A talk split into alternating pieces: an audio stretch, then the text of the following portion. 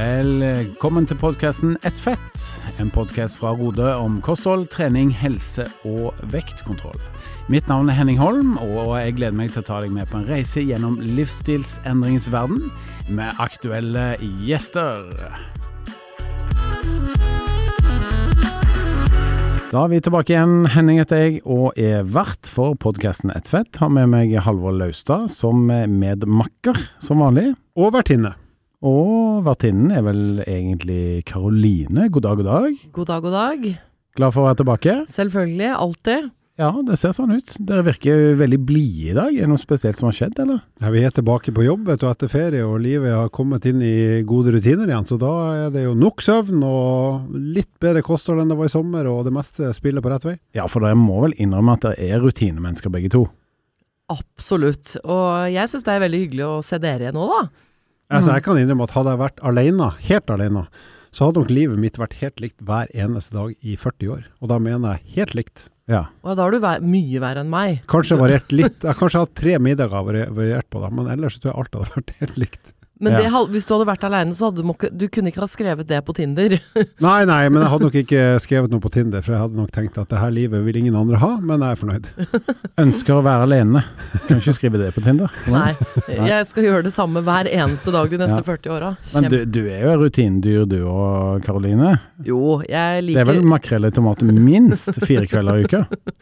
Jo, jeg er nok litt eh, Men det er vel det som er den verste rutinen min, tror jeg. Eller den, den rutinen jeg opprettholder mest. Jeg kan være litt fleksi ellers, så lenge jeg får gjort de tingene jeg ønsker å få gjort. Jeg, jeg hadde dødd av kjedsomhet hvis jeg hadde gjort det samme hver dag i 40 år. Mm. Men eh, der eh, må jeg si at jeg er litt ulik dere. For jeg vil jo helst at hver dag skal være litt annerledes fra den forrige. Det er først da jeg virkelig trives, altså. Ja. Mm. Men du vet jo, Henning, jeg elsker jo opplevelser og spontanitet, og så jeg har det litt i meg, jeg òg. Jeg hater jo det. jeg vil helst vite akkurat hva som skal skje i morgen. Men apropos dette med rutiner. Vi skal snakke om eh, dette med å ha et eh, prosjekt. Eh, gjerne noe som er tidsbegrensa når det kommer til livsstil eller eh, kosthold osv. Eh, vi har jo vært med på noe begge to som vi kalte for godtestopp. Mm. Eh, og vi jobba jo i EVO på et tidspunkt hvor vi hadde da em, et slags godtestopp som vi kalte for snopefri. Ja. Så hele januar da, måned så skulle ikke vi, og alle de som ville bli med da av podkastlyttere og andre rett og slett, eh, skulle ha eh, ikke da spise noe godteri i det hele tatt i hele januar. Og da lagde vi da en Facebook-gruppe hvor vi kunne da dele erfaringer og tøyse med hverandre og komme med gode tips. Det var jo veldig kult, syns jeg. Ja, det var kult, for vel, både jeg og du syns jo sånne ting er greit, og, eller artig å prøve et eller annet, eh, kanskje ikke for livet, men i hvert fall teste det ut lenge nok til å se hvordan var egentlig det her.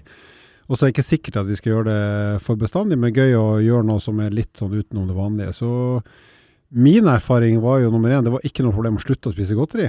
Først i starten var det for at det varer bare en måned, så det er ikke noe stress i det hele tatt. Men etter hvert så var det jo helt ærlig ikke noe problem å slutte å spise godteri permanent. Men jeg gjør jo det, altså. Men for meg er ikke det etter den der enmånederskuren der, da, for å si det sånn, så har det ikke vært noe problem å slutte å spise godteri i lengre perioder hvis jeg vil, uten at jeg trenger å være med på en challenge. Men, men det jeg røyk på da, det må jeg bare si, at jeg spiste jo knekkebrød istedenfor.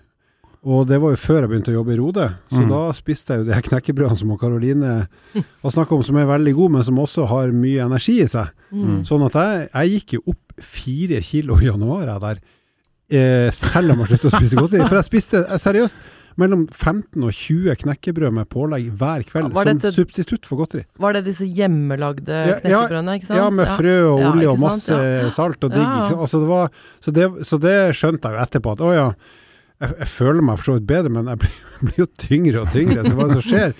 Og faktoren var jo at jeg erstatta potetgull og is med knekkebrød. Så det har jeg klart å justere på. Men det var jo min litt sånn sjokkartede minuseffekt av det der å stoppe. Ja, gratulerer, da. Takk. Men du hadde vel ei annen erfaring? Ja, nei, eh, jeg må først og fremst si at du må være eneste mannen i universet som har gått opp i vekt med bare å spise knekkebrød. Ja, det var jo i tillegg til vanlig kosthold. Jeg er klar over det. Men helt ærlig så tipper jeg Hva tror du, Karoline? Hvis vi har 20 sånne knekkebrød med par skiver ost og litt paprika, så er det vel fort et par tusen kalorier? Ja, det er, de, ikke? de er jo mye mer energirike enn et vanlig husmann knekkebrød, ja. Så jeg, jeg tror nesten jeg, do, jeg dobla sikkert kaloriinntaket på kveldstid pga. det. Det er deilig. Nei, jeg, jeg må jo si at uh, det, når du trener ganske mye, og ganske aktiv, så slipper du litt unna med at du kan kose deg litt på kvelden, uten at det går uh, så mye utover vekta. Um, så jeg, jeg må jo si at eh, jeg var overraska over hvor lett det egentlig var. Eh, men du måtte liksom gjennom fire-fem dager uten godteri eller snacks eller is eller ja, slike godsaker, og plutselig så, så savner du ikke. Eh, og et godt poeng òg, syns jeg, at eh, når jeg først har tatt det valget om at jeg ikke skal spise det, da er jeg ikke frista av det. Mens hvis jeg ikke har et prosjekt og vet at det ligger noe i skapet eller kjøleskapet osv., jeg er jo veldig svak for kald sjokolade, da er det vanskelig. For da må jeg ta det valget flere ganger. Nei, ikke nå. Nei, ikke nå. Ok, så kvart på elleve så tar jeg en bit allikevel, da. Og da har jeg ligget og vurdert det i to timer på sofaen, liksom. Mens hvis jeg har tatt et valg, nei, jeg skal ikke spise hele januar eller august eller september, da er det valget tatt. Da tenker jeg ikke mer på det. Så det er i hvert fall sånn som mitt hode fungerer, da. Mm. Har du noen gang hatt noen sånne prosjekter, Karoline?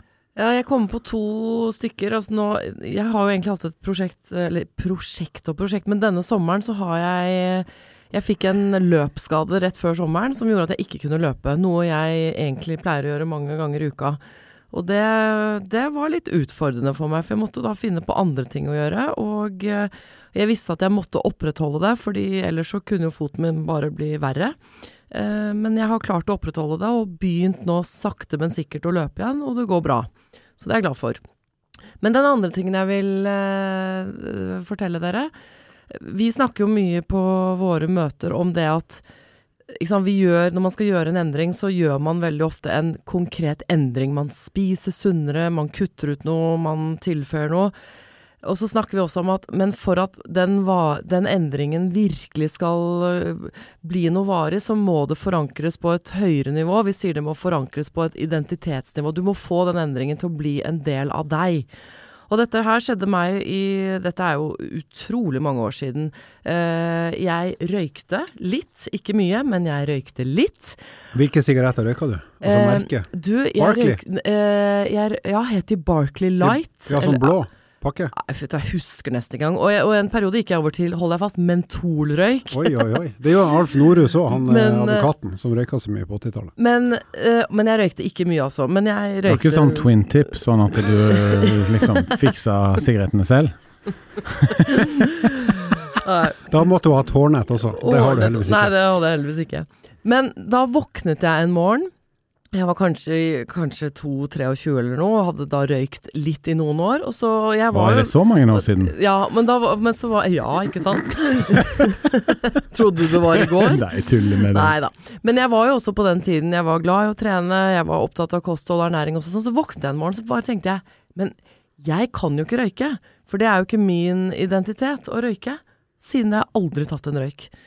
Så det, det er for meg bare et så godt eksempel på hvor viktig det er å forankre det på et øh, høyere nivå enn å bare gjøre endring. Det er så mange som går ut der og bare skal stumpe røyken, det er det de vil, eller de skal slutte å spise ultraprosessert mat eller pizza. Men man må få det på et høyere nivå for at sant, man må tenke at man skal være en sånn person som ikke går inn i butikken og spiser uh, pizza. Du skal være en person som går rett til frukt og, disk, frukt og grøntdisken. ikke sant? Og hvordan skal man jobbe mot å bli en sånn person? Ja, for det vi har tenkt å snakke om i dag, det er prosjekt julaften. Uh, og det høres kanskje litt sånn uh, ja, litt fjernt ut, da. Det er lenge til jul. Litt tidlig, kanskje. Vi snakker da julaften 2023, for de som eventuelt hører på det her i 2027. Ikke sant, ikke sant. Så eh, når vi skal ta opp tråden på dette etter pausen, så skal du få høre litt om hvordan du kan sette deg et prosjekt, hvis det er noe du ønsker, som kan f.eks. vare frem til julaften. Men først en liten pause. Vet du hva du får et Rode-medlemskap? Du får tilgang til Rodes Ned i vekt-app, der du har full oversikt over det du spiser og det du trener, i tillegg til over 1500 oppskrifter. Du får personlig oppfølging av din veileder, og du får masse faglig påfyll hver eneste uke. Julaften, vi gleder oss vel allerede, Laustad? Jeg håper på nye sykkelhjul. Til- Til jul. Nye sykkelhjul til jul? Ja, ikke sant? Har Det du var litt begynt å skrive ønskeliste? Ja, den har jeg hatt i et år. Å ja. Jeg vet Ikke lenger. jeg, jeg fikk det nemlig ikke i fjor. Du ønsker penger til jula, altså. Det er det du sier. Jeg ønsker vel julegave av meg sjøl. Så hvis jeg har råd, så får jeg det. All right. Mm. Wow. Hvor dyrt er dette her, egentlig? Det, vi som det vet. kunne jeg sagt, men Ja. i og med at noen jeg kjenner veldig godt, kanskje hører på episoden, så er jeg ikke sikker på om jeg skal si det. Men jeg kan, jo, jeg kan si følgende.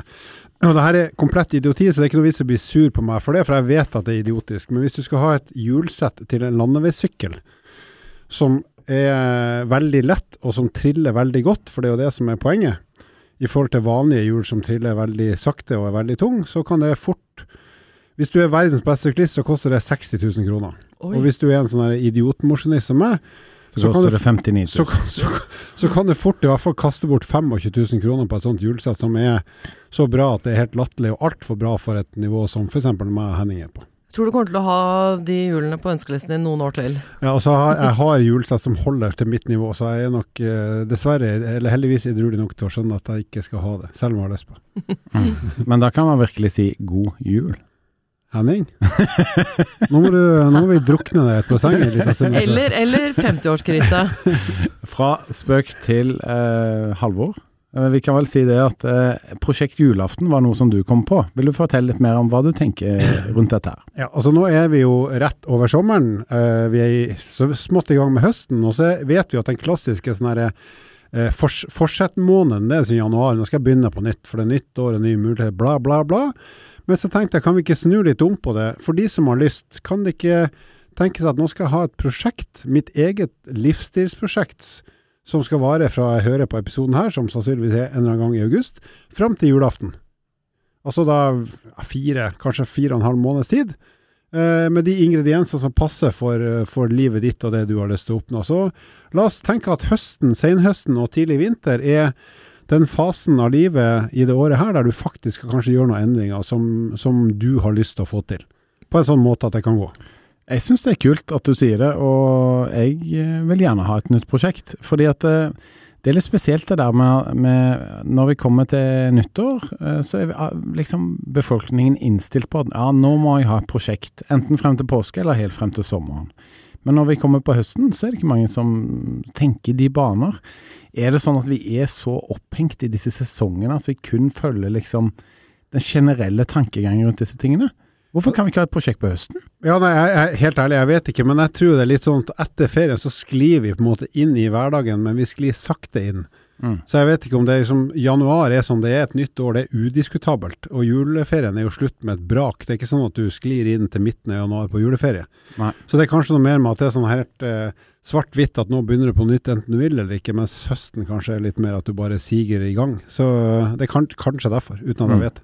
Og så tror jeg også nå sant, det, det blir kaldere, det blir mørkere. Det er, det er ikke en veldig motiverende periode å ta tak i seg selv og, og gjøre endringer. Og da syns jeg det er gøy at vi på en måte presenterer denne ideen, da. Eller et Mm. slikt prosjekt. Det er sant det, men samtidig så er det jo litt sånn ok, nå er det snart uh, sommer, nå, nå skal jeg se bra ut på stranda, derfor skal jeg skjerpe meg. Det er jo litt flåsete det å komme an, liksom. For hvor mange dager er du egentlig på stranda på Ja. sommeren? Men det er en realitet. Ja, men vi, vi må jo egentlig trene for, eh, for å føle oss bra, og, og for å fungere best mulig i det livet du ønsker. Det handler vel ikke om å se bra på stranda. Det Nei, er vel for veldig få. Alle har jo hørt om sommerkroppen. Liksom. Man sier gjerne Ja. nei, jeg trener for SK23, ikke sant? for Sommerkroppen. sommerkroppen 23. Bikinisesongen. Bikinisesongen. Men uh, vi får heller slå et slag for helårskroppen. Eller julekroppen. Jula, julekroppen. Ja, det er litt kult, da. Hvordan se bra ut i julegenser. Det merker jeg at det Ja. engasjerer meg. Hvordan skal du se bra ut sammen med et juletre? Det må være motto her. I julegenser sammen med et juletre. Ja, jeg liker den, da. For Det det, er er bra, det, det er liksom litt mindre selvhøytidelig. Det handler mer om å egentlig ja, ha en sluttdato på prosjektet. Hva er egentlig fordelen eh, med tids, sånne tidsbegrensende prosjekter?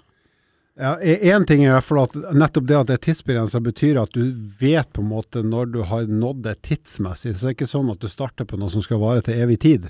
Og det kan for mange være en utløsende faktor til at de kan tenke seg å prøve det. For at det er jo noe du eh, ikke har gjort før, iallfall ikke akkurat på samme måten. Så istedenfor å si at nå må du gjøre det her resten av livet, så kan du si at det her skal du nå få prøve i x antall uker eller måneder, og så ser vi hvordan det går etter en viss tid. Det er nok mye hyggeligere å starte på enn å si at det her skal du gjøre resten av din levetid. Ja. og jeg, jeg er også enig at dette her er en god idé å gjøre. Jeg har snakket tidligere om denne smart-mål-modellen. Det at målet skal være spesifikt, det skal være målbart og osv. Og så den T-en står jo da for tidsfestet. Så det å ha gå inn i et prosjekt og vite hvor lenge det skal vare, det er nok mye mer sannsynlig at det blir fullført enn hvis man bare går løs på et prosjekt uten å ha noen plan. da. Når skal jeg ha nådd de og de delmålene? ikke sant? Man bare gjør et eller annet. Men å ha en helt konkret plan, det er jeg veldig for. Og så er det jo, det vet vi fra trening, men det gjelder jo kost, vektreduksjon nå, det er jo interessant å se hvor mye skjer i løpet av en viss tid. Eh, og Hvis vi hadde snakket om trening, så er det interessant å se hvor mye bedre har jeg blitt på utvalgte parameter som jeg har lyst til å bli bedre på i løpet av den tida her, når jeg har gjort følgende endringer. Og Det samme kan man si hvis det er maten du eventuelt skal gjøre noe med. Hva skjer med min kropp, min fysiologi, min, mitt energinivå, min velværefølelse fram til julaften, når jeg har gjort de endringene jeg har lyst til i en såpass lang periode. Og så vil jo det kule være da å se ok, kom jeg dit jeg håpa på, eller trodde eller ville? Hvis svaret er ja, kanskje jeg skal ta det med meg videre, eventuelt justere litt, sånn at man kan i hvert fall få lang nok tid til å la noen endringer virke, og se hva blir resultatet, og er det noe jeg kan trives med på sikt? Og så Jeg vil si litt om dette her eh, fenomenet tilbakefall, som jeg syns er Jeg har jo til og med skrevet masteroppgave om tilbakefall, for jeg syns det er så interessant. Og ser jo det at hvis man har en plan eh, som man følger, så er det lettere å takle det å få et tilbakefall, som de fleste vil gjøre i en livsstilsendringsprosess. Da er det mye lettere å våkne dagen etter, eller på mandagen eller helgen etter, eller whatever, og tenke ok, nå må jeg bare begynne på nytt igjen. Men hvis man ikke har en sånn helt konkret plan, man skal bare gå ned fem kilo, gå på en smell, eh, det har vært en fuktig helg, mye kos, og da er det veldig lett for å bare tenke nei, fader, jeg, dette gir jeg opp, får det ikke til. Eh, og det er jo ikke bra. Ja, for nå er du litt inn på det som handler med typiske feller eh, når man er med på sånne tidsbegrensa prosjekter, som handler om mat, drikke og eller trening, da. Eh, det, det å faktisk ikke å ha en plan, eh, for da er det vanskeligere når man faller ut. Men finnes det andre feller eh, man kan gå i hvis man er en del av et sånt type prosjekt? Ja, Det typiske er jo at når du har satt deg et tidsbegrensa mål, og så har du også tenkt på hva håper jeg oppnår på den tida, så er det jo at oi, da må jeg, være, da må gjøre masse for å få til det målet. Mm. Eh, så en typisk sånn innholdsliste, i hvert fall i startfasen på en sånn plan, inneholder for mange endringer i forhold til det du er vant til. Så det er jo litt av det med kunsten å prøve å gjøre, mange, endringer du har trua på, men også, så hvis du skal være ærlig, ok, klarer jeg å repetere det uke etter uke etter uke, og så er det av og til litt sånn tilbakefall, av og til er du sjuk eller må justere litt, men at du gjør, tar tak i de tingene som betyr, du tror betyr mest, og som du er ganske sikker på at det her kan jeg gjennomføre frem til julaften. Ja, og helt enig, som jeg skulle sagt det sjøl. For det er jo det der å gå gjennom en livsstilsendring eller hva det nå er, det innebærer jo at man faktisk kan kose seg innimellom. Man trenger ikke å kutte ut alt og være for streng med seg selv. Man kan kose seg litt, man kan drikke litt alkohol, og det kan faktisk gi mer motivasjon i prosessen. At man har noen kontrollerte dager hvor man koser seg litt med det ene og det andre. Ja, så jeg vil, jeg vil ha sagt at igjen en typisk felle er at du legger inn f.eks. For, for mye trening. For mange dager i uka du skal trene, som gjør at du kanskje må gi avkall på mye annet som du egentlig har fylt opp livet med. Så eksempel, nå skal vi snakke om det her etterpå, men at man både gjør for mange kostholdssendinger og kanskje spiser mat man ikke liker, eller for lite, sånn at du blir rett og slett og daff. Eh, I tillegg til at du da har ambisjoner om å trene mye mer enn før. Det er jo en sånn klassisk ingrediensliste som sier at det her kommer ikke til å vare etter jul. Det kommer til å gå i dass etter kanskje to uker, for det blir for mange ting som, som, eh, som skal endres på. Og i tillegg så er ulempen med å ha for mange endringer, det er jo at hvis du kommer i mål, hvis du av en eller annen grunn klarer å gjennomføre alt det her, så er det vanskelig å vite hva var det egentlig av de tingene jeg gjorde nå som gjorde at jeg fikk det eh, resultatet jeg fikk. Så igjen, hvis vi snakker trening, hvis du skal endre på eh, et resultat eller en prestasjonsevne, så er det jo lurt å teste ut noen få ting lenge nok til å se om hvordan de virker, istedenfor å teste ti ulike ting parallelt. For da kan det hende at du ble bedre, men du vet da søren om det var nummer én, to eller åtte på lista som gjorde at du faktisk ble bedre. For det er sannsynligvis ikke summen av alle ti. Nei, og så vil du ikke klare å fortsette det etter nyttår heller, ikke sant. Ja, så for å være sma bli smartere etter eh, julaften, så kan du si at hvis du gjør noen endringer konsekvent, så er du nok i stand til å evaluere effekten av de, og så vurdere er det her noe jeg skal fortsette med eller ikke. Mm. Mm. Men vi må jo bli litt konkrete her. Eh, hva vil være smarte mål og tiltak da, som kan gå liksom fire, fire og en halv måneder, kanskje fem måneder fra slutten av sommerferien og frem til jul? Jeg ville tenkt, siden vi, vi er jo i Rodepodden ett fett, så jeg ville tenkt at veldig mange vil ha som et åpenbart mål et eller annet som har med vekt og helse å gjøre. Ja. Eh, så hvis vi tar vekt først, da, som er selvfølgelig er nærliggende. så Det ene kan jo være selvfølgelig holde vekta, men det andre kan være at jeg har lyst til å gå ned ganske mange kilo fram til jul. Mm. Eh, på en måte jeg kanskje ikke har gjort før, eller i hvert fall gjort det, gjør det på en litt annen måte. Så da, hvis vi sier at denne perioden fram til julaften, litt avhengig av når du hører på, så er fire måneder, la oss si 16 uker. Ja. Så tenker jeg at eh, et eller annet sted mellom 10 til 15 kilo totalt sett, litt avhengig av utgangspunktet, bla, bla, bla, vil være mulig for mange av de som hører på, ikke sant. Mm. Hvis, hvis det er vekt som er målet. Og kanskje det er mindre enn da. Er det færre kilo, så er det jo i gåsehudet lettere å nå målet enn hvis det er flere kilo. Men Ja, det er et vanlig Begge de to tingene du nevnte med å holde vekten, eller egentlig ta et godt røsk og gå ned en god del kilo, begge de to målene er jo veldig vanlige. Og så har du et mål til som jeg tror er ganske sånn eh, gjengs der ute, og det er ta av de siste kiloene. Så jeg har gått ned en del fra før, så har jeg gjerne fire-fem kilo til jeg ønsker å gå ned. Da har jeg nådd målet mitt. Ja, Det er tre vanlige Ja, og akkurat den siste der er litt interessant, for at hva skal til da? Hvis du har f.eks., som du sier, gjennom det siste året, pluss minus, har du gått ned kanskje 7, 8, 10, 15, 20 kilo. Mm. Men så er det noen få kilo til som bare sitter og sitter og sitter. Da er det i hvert fall på tide å gjøre noe annet enn det som har fått deg hit. Ikke sant? For det som har fått deg hit, har gitt deg kjemperesultat, men det, det, det må noe annet til. Det betyr ikke at det skal være mer av noe, men det må i hvert fall endres nå på nå for at du skal komme enda et lite steg videre. Akkurat som med trening.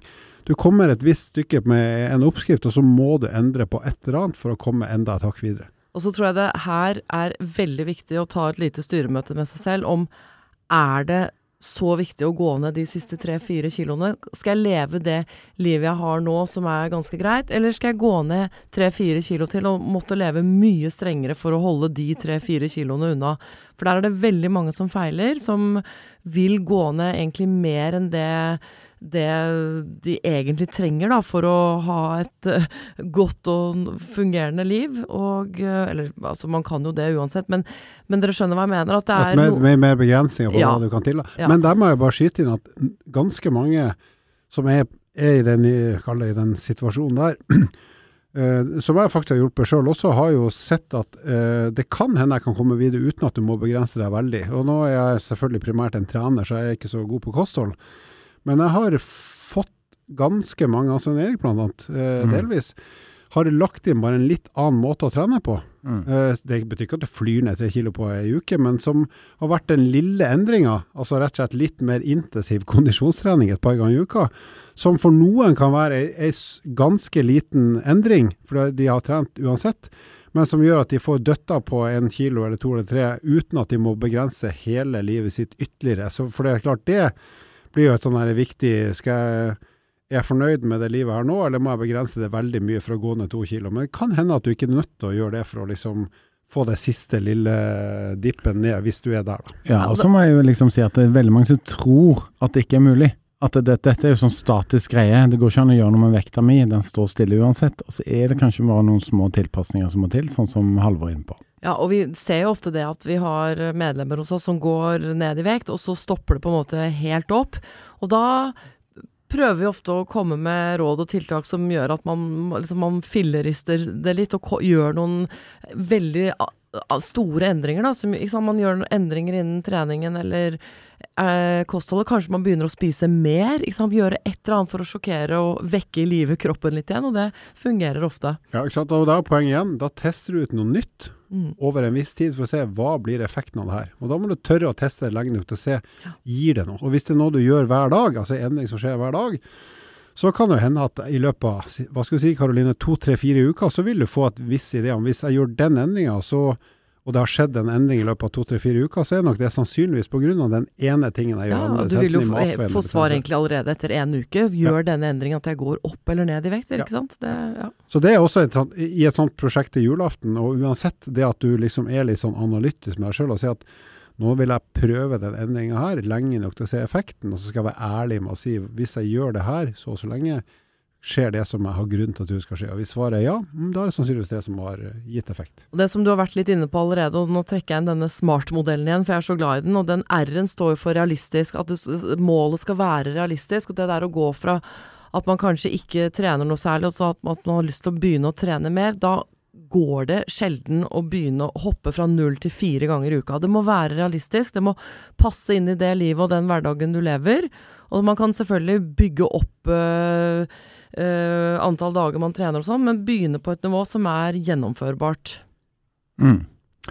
Um, nå er det jo sånn at det å Ja, om man velger en av disse tre forskjellige typer målsetninger som vi har snakket om, så krever det jo eh, ganske mye. Um, man må gjerne gjøre noe med kostholdet, eh, gjerne noe med drikkevaner. Eh, og man kan gjøre noe med bevegelse, enten det er aktivitet, altså hvor, hvor aktiv jeg er gjennom dagen, eller da trening.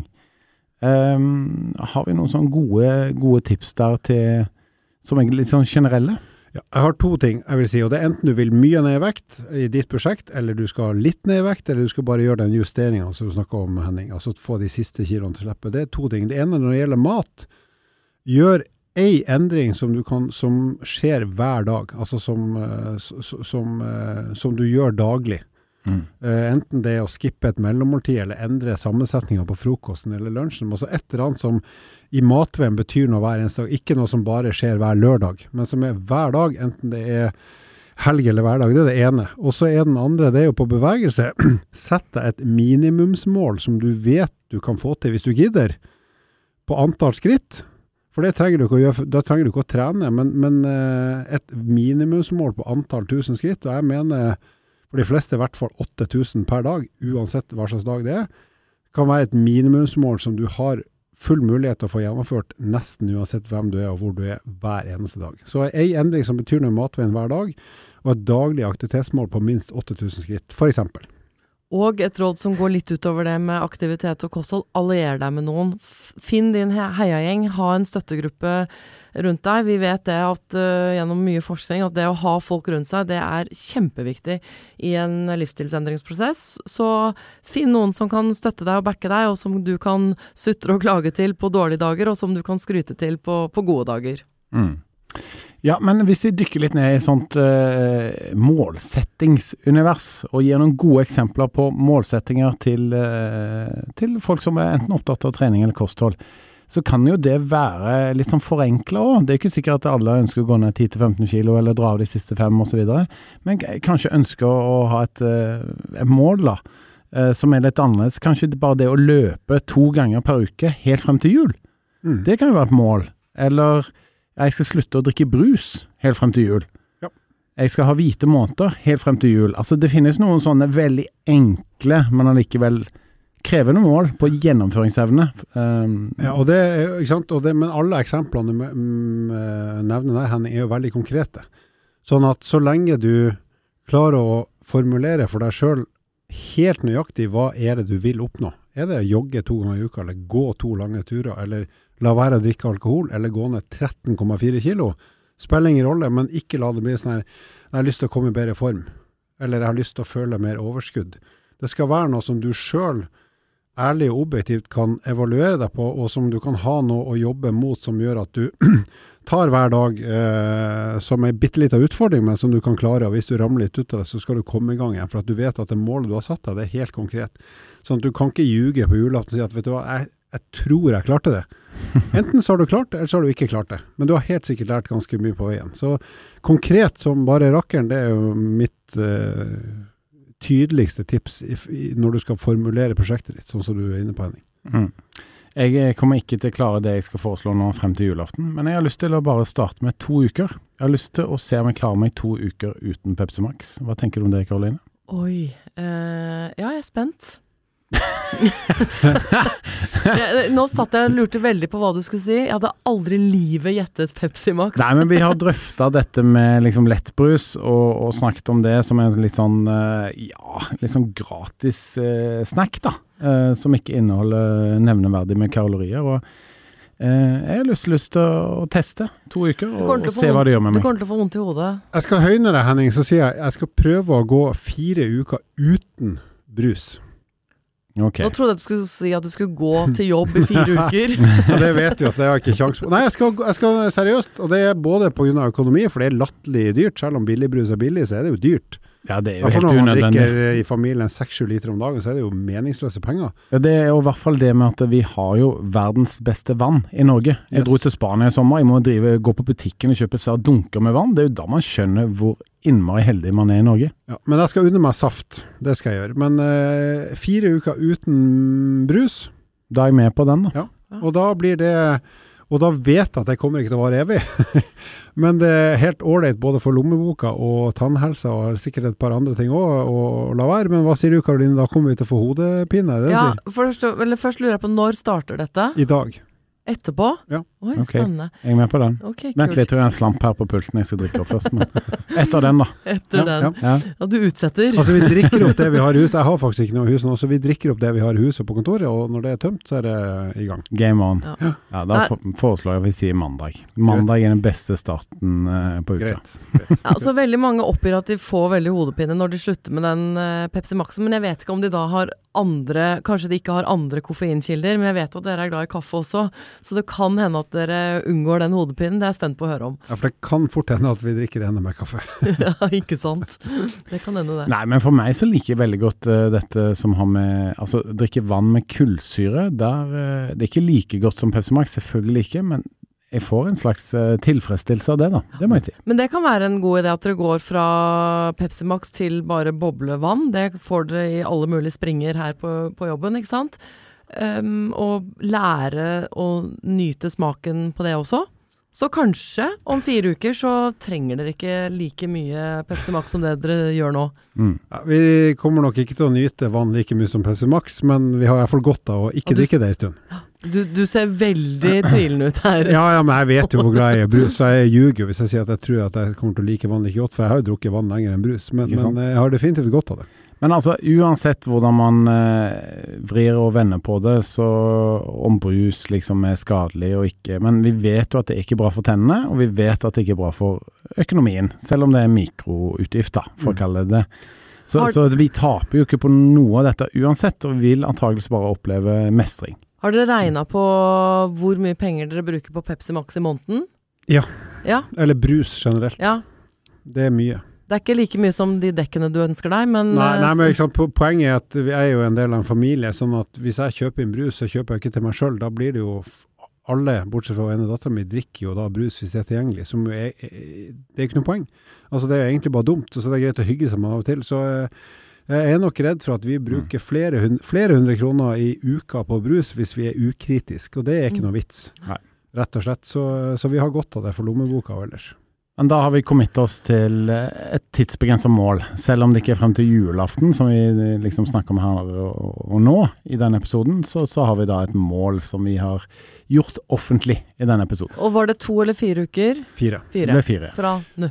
Fra mandag. Å ja, mandag ble det. Ble etter, det ble etter sendinga i stad, men nå blir det Ja, mandag. nei, det var mandag, for da får vi tømt skapet. Ja. Men tilbake igjen til de som sannsynligvis tenker at det er et livsstilsvektmål. Eh, hvis vi da er enige om at det er lurt å gjøre ei endring matmessig som, som har betydning hver dag, altså enten mat eller drikke som du justerer på daglig, eh, og at du har et bevegelsesmål som også trer inn hver dag, f.eks. å gå 8000 skritt. Og så er mitt spørsmål til deg, Karoline, eh, hvis vi skal hjelpe til med planlegginga. For de som har det vektmålet her nå, vil, hva vil du tenke, er det lurt å gå på en kickstart-variant for de som vil ganske mange kilo ned til julen, altså rett og slett ha et ganske stort kaloriunderskudd i starten per dag, mens de som har et mindre vektmål, altså færre antall kilo frem til jul, at de heller går på en sånn gradvis eller jevnere vektnedgang. Hva tenker du om det? Tenker det egentlig er helt uh, hva man foretrekker selv også, for de som ikke trenger å gå ned så mange kilo. De kan også gå på kickstart i noen få uker. Ikke like mange uker er det anbefalt i- sammenlignet med de som har f.eks. over 30 BMI. Men de kan helt fint gå på det noen uker. Det spørs hva man motiveres av. Noen syns det er helt ålreit å ligge på 1000 kilokalorier om dagen i en periode, andre syns det blir for tøft. Men hvis målet er å gå ned mange kilo, 10, 11, 12, 13, 14, 15 kilo øh, fram mot jul, så er det nok smart å innledningsvis ta en sånn kickstart-variant. Og hvor mange uker skal de gjøre det?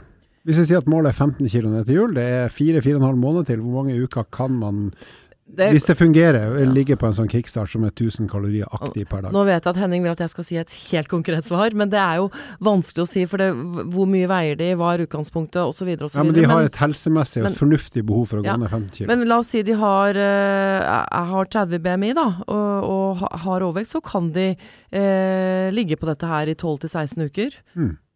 Og hvis det er en person som kanskje skal gå ned 5-6 kilo Ja. i løpet av 4-5 måneder, hvor lenge kan det være fornuftig å teste ut en sånn 1000 Da sier vi to til fire uker maks, før man går over på mer eh, altså moderat energiunderskudd. Ja, og det er jo da rett og slett for å gi dere lyttere et tips, hvis du ikke har testa det før, så kan dere selvfølgelig lese om kickstart-menyen på Rode, og det er jo også mange Rode-veiledere eh, som kjører den metoden, og, og det er jo også en metode du kan velge hvis du er på en sånn Rode-veiledning for å få deg ned i vekt. Som du får hjelp til av veilederne. Og så er det jo viktig å si at eh, på kickstart så går man jo fort ned som oftest i starten. Det er jo gjerne, Første uka er jo mye vann gjerne, men så vil det jo etter hvert begynne å være fettlagrene det tæres på. Så man går eh, stort sett ganske fort ned i vekt å begynne med, og så vil det jo avta litt og litt etter hvert, men det gir som oftest gode resultater i løpet av kort tid. Og så er det også viktig å tenke på det og huske på det, og det er helt avhengig om man velger kickstart eller mer moderat energiunderskudd, at en vektreduksjonsprosess er dessverre ikke en lineær eh, kurve som går nedover og nedover og nedover. Den går litt opp, og den går litt ned, og den stopper opp litt, og egentlig ganske irriterende, men sånn er det. Men da er det kjempeviktig i de periodene hvor det går kanskje litt opp eller stopper opp litt, og ikke være så fokusert på vekten, det vi da kaller det kvantitative målet, men heller tenk fokusert på det kvalitative. Hva skjer med resten av kroppen min mens jeg gjør disse endringene? Får jeg mer overskudd? Får jeg bedre humør? Sover jeg bedre? Og blir motivert av de resultatene. Ja, Og nettopp derfor er eksamensdatoen julaften.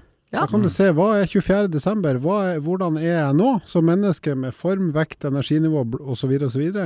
sammenligna med den datoen i august eller september der jeg gikk i gang med det her. Mm. Og så vet du at det har vært opp- og nedturer, har vært litt frem og tilbake, men da har du, hvis du ser fra startdato frem til julaften, så vil du kunne trekke slak linje som forhåpentligvis går riktig vei, selv om det har vært litt hakkete på veien. Mm. Og se hva fikk jeg ut av det her, hva var det verdt det, og hva tar jeg med meg videre 1. jeg skal i gang med livet sånn som jeg har tenkt å leve det lenge. Jeg gleder meg til å spørre dere om mandag om fire uker. Hva tar dere med dere videre? Vi tar med oss Pepsi Max.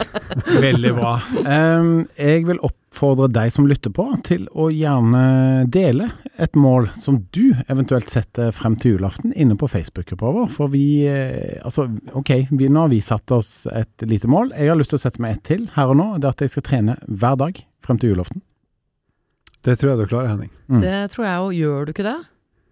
Jeg pleier, jeg pleier vel å ha syv økter i uka, men noen dager så trener jeg gjerne både en styrkeøkt og en kondisjonsøkt. Så pleier jeg å ha en hviledag. Ja. Så, men jeg tror det er kult å liksom ha det som et prosjekt. Henning går i kirka hver søndag, det tar så mye tid at han rekker ikke å Han skal holde preken og forberede preken. Ja, Men hvilke mål har disse som lytter på? Er jo egentlig mer nysgjerrig på det, Ja, for jeg send- kjenner dere andre ganske godt. Ja, send oss målene eh, på Facebook-gruppa Ett fett, og send oss selvfølgelig også gjerne spørsmål om både det her temaet og alt mulig annet som vi kan snakke om. Så har dere forslag til tema eller spørsmål, så er det bare å sende i gruppa gruppa, så svarer vi ganske fort. Og av og til blir det et tema i podkasten. Ja, for det er jo på tide med en ny episode av Lytternes spørsmål nå. Så Definitivt. det tar vi gjerne imot. Kan vi ikke si at send inn spørsmål på Facebook-gruppa Ett fett, og så lager vi episode av det. Yes. Det er en avtale. Det bringer oss vel videre til noe annet som vi er veldig glad i. Vi er glad i kaffe, alle tre. Mm. Ja, Karoline, du også liker kaffe, gjør du ikke? Er ikke så hissig som dere, tror jeg, men tre Ja, du liker det? Ja, jeg liker det. Tre-fire kopper om dagen, kanskje. Ja, Så du nyter kaffe tre-fire ganger per dag, da vil Ja. jeg si at du liker det. Ja, ja, ja, ja, jeg det Det er ikke bare det. for å tøffe deg, det Nei, er for nei, at du syns det er godt. litt for å tøffe meg, men Hva er, for, hva er favorittkaffen din hvis du er på en kaffebar og skal være litt kul og få noe godt? dobbel cortado med lettmelk. Stilig, stilig. Henning, jeg vet jo hva du liker best. Det er americano. Ja, det er traktekaffe, er det ikke? Det er traktekaffe. Filter- filterkaffe. Ja, ja, det er jeg veldig glad i. Det. Når vi er på sykkeltur og vi er på benseren for å få oss kaffe, så blir Henning lykkelig hver gang han sier 'Å, her er det ei kanne med traktekaffe'. Så jeg tenker, Med Ali traktekaffe. ja, du må jo ta den der eh, kule kaffemaskinen. Henning, han digger filterkaffe. Jeg syns det er veldig godt. Det er jo godt, altså. Men det, er, ja.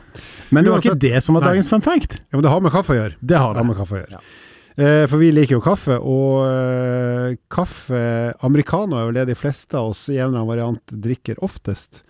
Men hva er opprinnelsen til kaffe americano? Og husk på, folkens, kilden min er internett, så det kan hende det her er bare vas, men det høres, høres riktig ut. Og det er sånn at americanos opprinnelse det kommer av at amerikanske soldater som var stasjonert i Europa i andre verdenskrig, de syntes at espressoen de fikk servert, og da antar jeg det primært var Italia, var altfor sterk.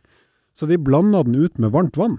Og det er jo basically det americano er. Altså rett og slett espresso som er blanda med en viss mengde varmt vann. Så når du er i Italia, så får du jo espresso, så får du ei lita mugge med varmt vann, mens her i Norge får du jo blandingsforholdet ferdig definert.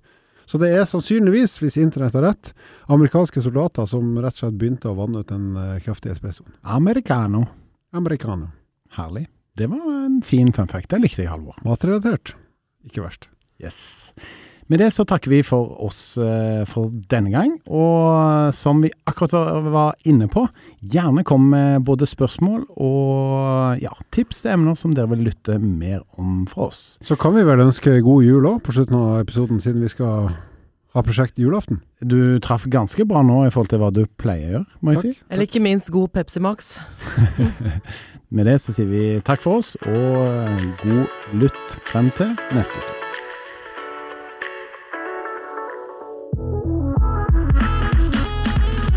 Takk for at du lytta på nok en episode med podkasten Ett fett. Dersom du er interessert i å lese mer om eh, livsstilsendring, gå inn på Rode-magasinet på rode.com.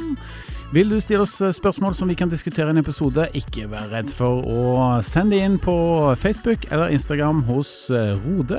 Til neste gang, vi høres.